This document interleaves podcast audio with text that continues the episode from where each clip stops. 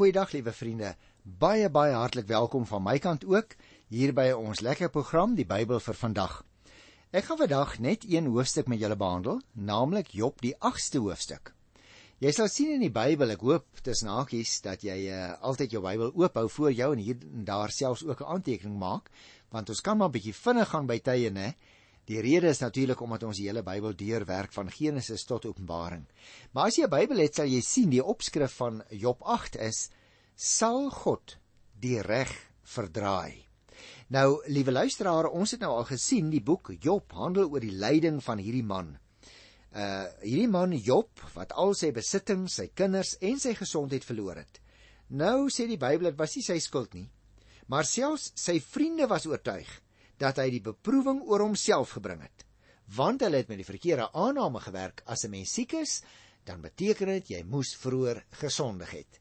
En ons het daaroor gepraat. Die Bybel het dit reeds vir ons uitgewys, dit is nie noodwendig so nie. Vir Job was die grootste beproewing nie die pyn of die verlies van sy kinders en van sy eiendomme nie, maar die feit dat hy nie kon verstaan waarom die Here soveel lyding in sy lewe toegelaat het nie. Nou is dit natuurlik so, liewe luisteraar. Lyding kan soms die gevolg wees van sonde. 'n Mens kan soms 'n verskriklike siekte, dink nou aan vigs byvoorbeeld in ons tyd. Nou nie almal wat vigs het, uh het gesondig nie hoor, want dit is soms van 'n lewensmaat ontvang ongelukkig. Maar soms het mense 'n soort verhouding gehad, 'n buiteegtelike verhouding wat sonde is in die lig van die Here se woord en dan steek hulle 'n siekte aan soos byvoorbeeld vigs en dan het jy die direkte of die noodwendige gevolg van jou sonde. Maar dit is nie altyd so nie. Net so wil ek aan die ander kant vir jou sê, is voorspoed nie altyd 'n beloning vir 'n goeie lewe nie. Jy moet nie dink dit met jou goed gaan dat die Here jou nou seën omdat jy vreeslike wonderlike persoon is nie. Nee, liewe luisteraar, mense wat die liewe Here liefhet, word nie gevrywaar van moeilikhede nie. Al kan ons nie altyd die pyn wat ons beleef verstaan nie, kan dit ons soms by hernuwing help om terug te keer na die Here toe. Daarom moet jy nie net in jou ongeluk en jou hartseer en in jou lyding na die Here toe terugkom nie. Maar wil ek ook 'n beroep op jou doen om as dit met jou baie goed gaan, of dit nou finansiëel is of dit geestelik is, dalk moet jy terugkom 'n slag na die Here toe want jy sien as ons voorspoedig is dan kan ons baie baie maklik op ons eie reg voor die Here gaan staan. So asof ons iets verdien het. En natuurlik werk die Bybel nie so nie want ons lewe uit genade. En so kom hierdie nuwe vriend wat nou vir die eerste keer na vore kom naamlik Bildad ook na Job toe. En hy sê vir Job hoor die vriend uh is jy nie miskien so siek omdat jy gesondig het nie? Want uh jy sien, uh, ek wil hom net vir jou daaraan herinner, sulke rampe kan 'n ou tref as jy gesondig het. So kan die Here nou die reg verdraai. Uh en anders wees as jy nou so sondig is, dan kry jy eintlik mos maar wat jy verdien, boontjie kry sy loontjie. Nou jy sien, Bildad, as ek net 'n paar breë lyne eers mag trek. Bildad was ontsteld omdat Job nog steeds volgehou het dat hy onskuldig is en God se regverdigheid bevraagteken het. Bildad se argumente was op die regte grondslag gefundeer. Dit wil ek dadelik sê, naamlik dat God altyd regverdig is, maar sy siening van die Here se regverdigheid was verkeerd. Hierdie man Bildad het naamlik uitgegaan van die standpunt dat die Here nie onregverdig kan wees nie en nie 'n vrome en regverdige man sal straf nie. Dus het dit beteken dat Job gesondig het. Dit was dus ook Bildad se vertrekpunt en dieselfde soort gedagtes wat Elifas vroeër gehad het. Hy sê man kyk Job as jy dan nou so regverdig is, dan behoort jy mos nie in so 'n situasie te wees nie. Bildad het byvoorbeeld ook nie aanvaar dat daar dalk uitsonderings op hierdie reël kan wees nie. Bildad het onder die indruk verkeer dat Job nie op God vertrou het nie, maar op iets of op iemand anders. En daarom het hy vir hom gesê dat niks anders staande kon bly nie. Die behoefte aan sekuriteit is een van die mens se mees basiese behoeftes. Natuurlik is dit so. en mense sal byna enige iets doen om hulle sekuriteit te verseker. Luisteraar, al jou en my geld, al ons besittings, al ons verhoudings en kennis kom die een of ander tyd tot 'n einde. Paulus sê dit in 1 Korintiërs 13. Dit sal verdwyn. Dit sal ons soms in die steek laat juis wanneer ons daarop wil staat maak. Jy sien, die Here bied die enigste blywende sekuriteit wat daar is. Mag ek vir jou 'n persoonlike vraag vra vandag? Waarop vertrou jy vir jou sekuriteit? Op jou beleggings? Op jou eiendomme se inkomste? Hoe blywend is die dinge, liewe luisteraar? Het jy daaroor nagedink?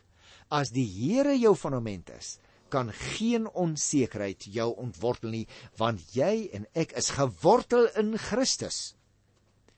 Mag ek weer vra? Is dit met jou so? Of waarop vertrou jy? Nou goed. Kom ons kyk dan nou na Bildad se argumente in meer detail nou dat ek die breë trekke daarvan aan jou verduidelik het. Dit is by Job hoofstuk 8. Toe sê Bildad die Suagiet: "Hoe lank gaan jy nog so praat? Jou woorde kom soos 'n orkaan." Jy sien, nou kom die volgende vriend vir die eerste keer aan die woord. Job het sy vriende vroeër verwyd in Hosea 6 daar by vers 26 dat hulle sy woorde beskou as blote wind. Maar Bildad wat nou hier begin praat, beskou wat Job gesê het as 'n orkaan. Hy sê hoekom reageer jy so skerp? Wat gaan met jou aan? En luister nou wie, dit is baie keer soos jy en ek ook doen. As iemand dit waag om ons 'n uh, bietjie te probeer teregwys of selfs net 'n vraag vra, dan reageer ons as dit ware soos 'n orkaan. Dit kom met krag en geweld, onkeerbare onverwags en die wêreld is nie meer wat dit was voordat jou en my orkaan losgebars het nie. Of so dink ons, né? Ons dink as leeuetjie ek brul, dan moet die aarde bewe. dit is nie waar nie. En daarom probeer Bildad om te red wat dit red is van die tradisionele opvatting lyding is die straf op sonde. En ons het reeds gesê, dis presies wat die Bybel nie leer nie. Ek lees vers 3 en 4. Sal God die reg verdraai? Sal die Almagtig verdraai wat reg is? As jou kinders teen hom gesondig het, het hy hulle vir die oortredings gestraf. Jy sien, vir Job is daar net een ding om te doen. God straf net om een rede, naamlik sonde. En die Almagtige sal nie die reg verdraai en vir Job son, vir Job sonder rede straf nie hierdie man wil dat noem selfs 'n ander argument. Hy sê man, kyk jou kinders is al skielik dood en dit is waar, dit word vir ons beskrywe in Hosea 1 vers 19. En nou kom hierdie bil dat hy sê, maar dit is nou vir jou mos die bewys dat hulle gestraf is vir hulle oortredings. Bildad werk dus met dieselfde maatstaf as Elifas verhoor. Hy sê, luister vriend Job, jy is siek omdat jy gesondig het. Jy het al jou goed verloor omdat jy oortree het. En daardie argument, liewe vriende, luisteraars, wil ek op grond van die Bybel by die wortel afsny. Dit kan so wees dat mense soms siek is as gevolg van sonde wat hulle gedoen het, maar dit is nie noodwendig so nie. Siekte kom nie noodwendig van die duiwel af nie.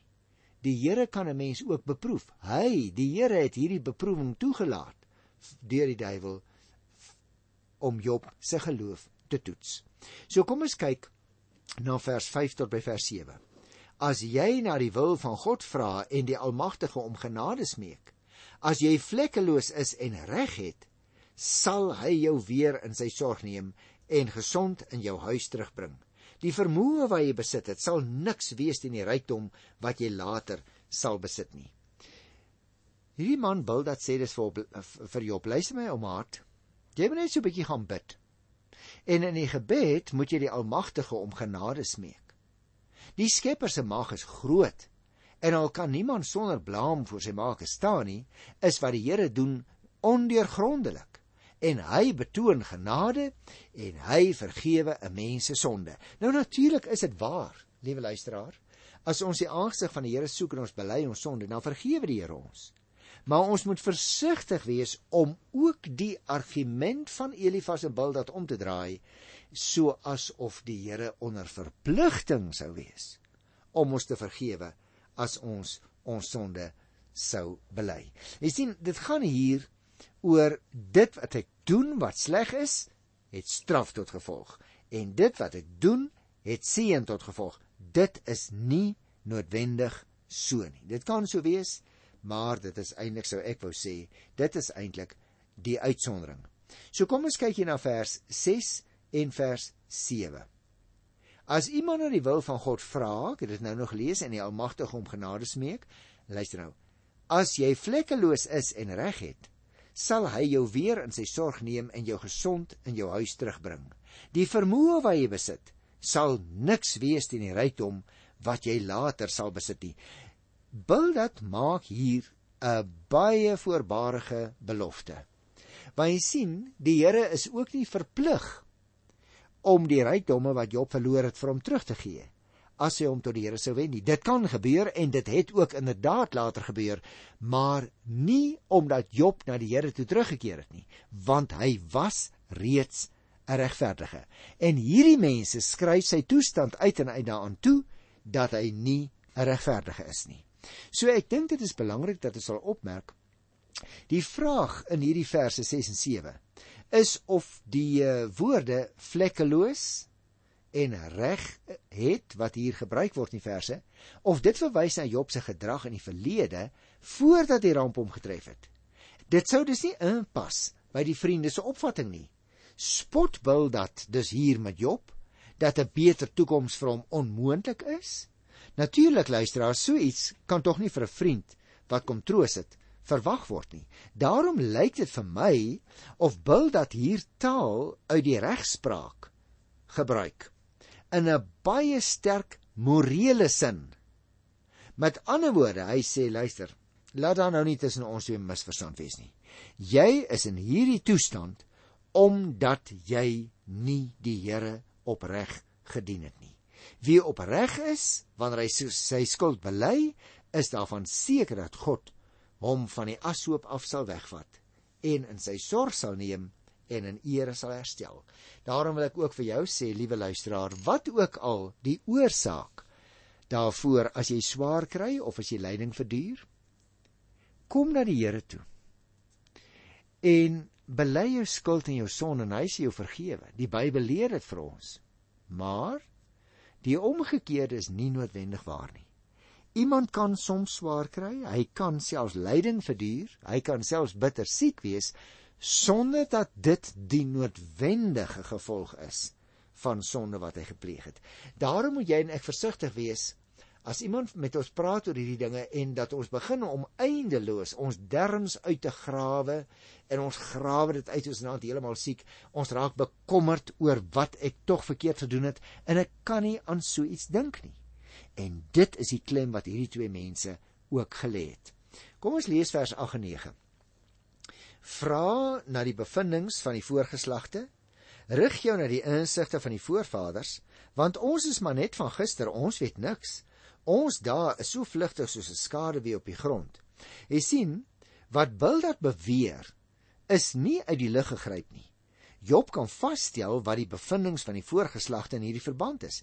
Die voorvaders is al oud en hulle insigte het meer gesag soms as die opinie van die huidige geslag wie se kennis oor 'n korter tydperk bymekaar gemaak is. Miskien voer hierdie man aan. Miskien lê die feit dat die mense van vroeër soveel ouer geword het ook hier agter. Ons dae is so vlugtig, sê hy. En dit gaan so gou verby soos 'n skaduwee op die grond. Met ander woorde, hierdie man beweer die voorgeslagte het baie lank gelewe want dit min sonde gehad en ons sterf gou. En jy gaan ook gou sterf, ou Job, want ons het baie sonde. En dit is ook nie noodwendig so nie liewe luisteraar. Wanneer hy dus met Job praat oor hierdie goed, dan beklemtoon hy meer as een keer die voorgeslagte. Het jy dit opgemerk? Hy het dit in vers 8 gedoen en nou gaan ek vers 10 tot 12 lees, dan sien jy hy doen dit nog 'n keer. Hy sê: "Leer uit wat jou voorgeslagte gesê het. Hulle het met insig verklaar: Groei 'n riet waar daar nie 'n moras is nie, vlei gras waar daar nie water is nie. Dit spruit wel uit, maar dit is tog nie eens afgesny nie. Dan verdroog dit al vinniger as enige ander soort gras. Hy is besig om te sê wat die voorgeslagte gesê het. En daarmee luisteraar gee uh hierdie man Bildad nou te kenne.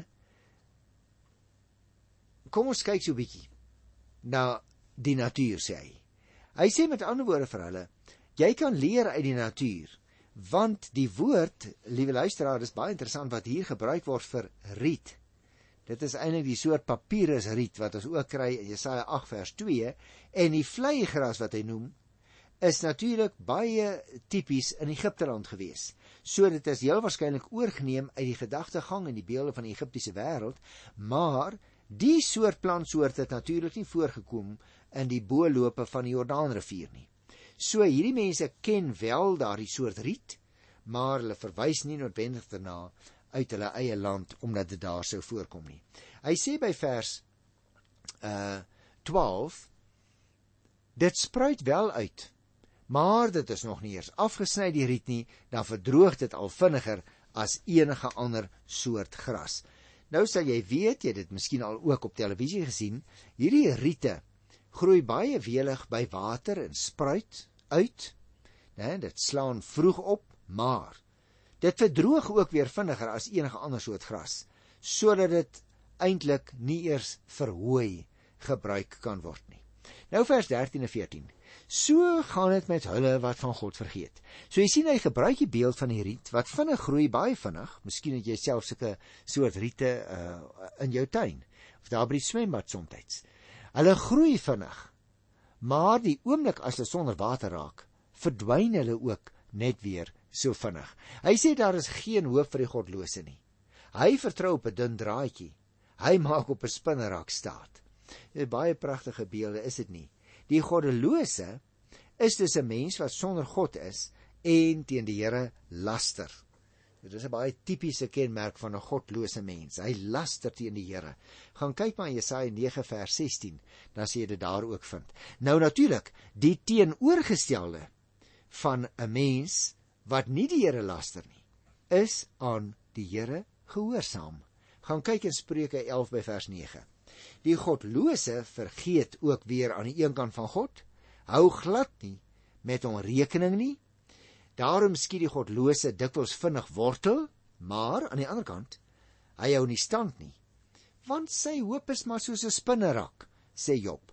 Hy vertrou op sy rykdom, hy vertrou soms op sy geweld, ander kere op sy geld, en hy vertrou nie op die Here God nie.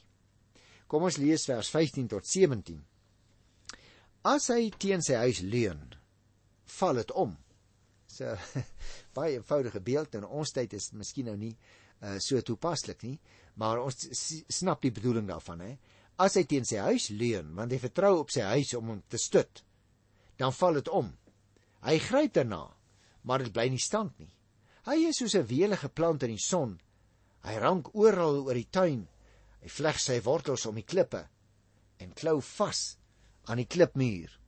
Bildad sê met ander woorde, die godlose dink hy het 'n baie baie veilige huis, né? Maar as hy daarop val, val die huis in mekaar. Hy sê dus nog 'n keer, jy moenie jou vertroue stel op iets of iemand anders nie as die Here. Maar wie wat Job? Jy het gesondig. Jy stel jou vertroue op jou goed, jy verlang na jou goed wat jy gehad het. Dan gebruik jy die beeld behalwe uh die huis, die van die uh, welige plant. Die welige plant groei natuurlik ook vinnig en dit veroorsaak oënskynlik alles om hom gebruik selfs die klipmuur tot sy eie voordeel, want die plant kan daarteen oprank. Maar dit selfs is nie standhoudend nie. Daarom sê vers 18 en 19 as iemand hom uitroei, dit is nou daardie welige plant wat oprang teen die muur, né? As uh, iemand hom uitroei, is daar niks meer van hom oor nie. So kom hy tot sy einde en in sy plek kom daar 'n ander. Wie dis hierdie plant uitroei, liewe luisteraar, word nie gesê in die gedeelte nie, maar weer eens onthou dit is beeldspraak. Dit gaan nie hier oor letterlike gebeurtenisse net so nie. Nou miskien natuurlik die welige plant kan 'n stuk onkruid wees. Dan roei dit die tuinier dit uit. Gaan kyk maar Jesaja 5 by die tweede versie word dit ook gesê. Wat sou die bedoeling hiervan wees? Ek dink dit is vir ons van belang. Die bedoeling van Bildad, liewe luisteraar, is dat die Here die welige plant wortel en tak uitroei en 'n ander een, 'n goeie plant in sy plek gee. Bildad sin speel dus baie fyn op Job met sy rykdom aan die een kant, maar rykdom wat maar 'n baie dun draadjie was. So sê hy in vers 14. En nou sê hy vir Job, Job, jy sit nou hier op die asoop. Jy's naby jou einde. En iemand anders gaan oorneem. So Bildad is ook maar 'n baie ou sieke, slegte sieke trooster, want hy bring ook net vir Job 'n boodskap van hy onheil en van smarte en hy gaan binnekort in die graf wees. So wil Bildad hom oortuig. Kom ons doen vers 20. Is ook 'n kort versie. Hoef nie lank daarby stil te staan nie. God verwerp nooit die opregte nie en staan ook nie by die wat onreg doen nie. Die lang les uit die verlede waarop Bildad wou wys, is dus nou verby. Bildad sluit nou aan by sy uitnodiging wat hy gerig het in vers 5 tot by vers 7, toe hy daar gesê het: As jy na die wil van God vra, as jy vlekkeloos is en reg is, sal die Here jou weer in sy sorg opneem. So dit is eintlik wat hy van Job verwag. En weer eens, ons weet Job was 'n regverdige man. Bildad lees dus ook vir Job verkeerd net soos wat Elifas hom verkeerd gelees het vroeër toe hy gesê het man hierdie siekte hierdie toestand waarin jy is is die noodwendige gevolg van jou sonde en dit is nie so nie want Job is 'n regverdige wat die Here gedien het ek wil afsluit liewe luisteraar met vers uh, 21 en 22 hier in Job die 8ste hoofstuk hy dit is nou die Here hy sal jou weer vreugde gee jou van blydskap laat jubel. Die wat jou haat, sal met smaad bedek word. Van die goddeloses bly daar net mooi niks oor nie. Hy sê vir Job Job. Nou dan moet jy maar 'n opregte bly, want as 'n mens 'n opregte is, dan wag daar vreugde en 'n mooi toekoms vir jou. Anders gaan dit met jou soos met die goddelose. Of skoon natuurlik luisteraars ons nie altyd weet uh wie dit is wat na ons kyk wat ons lewens lees. Ons weet nie van iemand wat vir Job gehaat het nie. Dit blyk dat mense net lief was vir hom omdat hy so baie goeie dinge gedoen het. Dit kan hom natuurlik nie by die Here red nie. Maar nou sê Bildad, wie hy? Eintlik was jy nie so goeie mens soos wat jy gedink het en jy het verkeerd gedoen, daarom word jy so gestraf.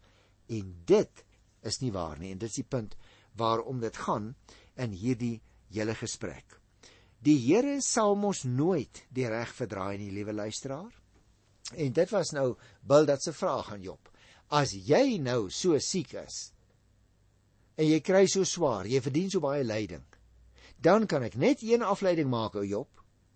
Jy het gesondig en jy het onreg teenoor die Here opgetree. Daarom is die opskrif uh, van Hosea 8 sal God die reg verdraai? En die antwoord daarop, liewe luisteraars, is kort en klink klaar. Die Here sal nooit die reg verdraai nie. En daarom weet jy en ek, as ons in Christus glo, dan is ons geregverdig. En selfs as ons dan sou siek word, as 'n ramp ons sou tref, dan is dit nie noodwendig 'n bewys dat ons nie regverdig is nie. Ons is regverdig want die Bybel sê dat Christus vir ons betaal het. Hy is ons geregtigheid. Leer die Bybel ons en daarom uh, staan ons nie voor die Here uit onsself nie en daarom is die feit as ons siek is ook nie 'n bewys dat ons nie gered is nie. Ek groet jou op hierdie lekker sterk positiewe noot in die wonderlike naam van die Here. Tot volgende keer. Tot dan. Totsiens.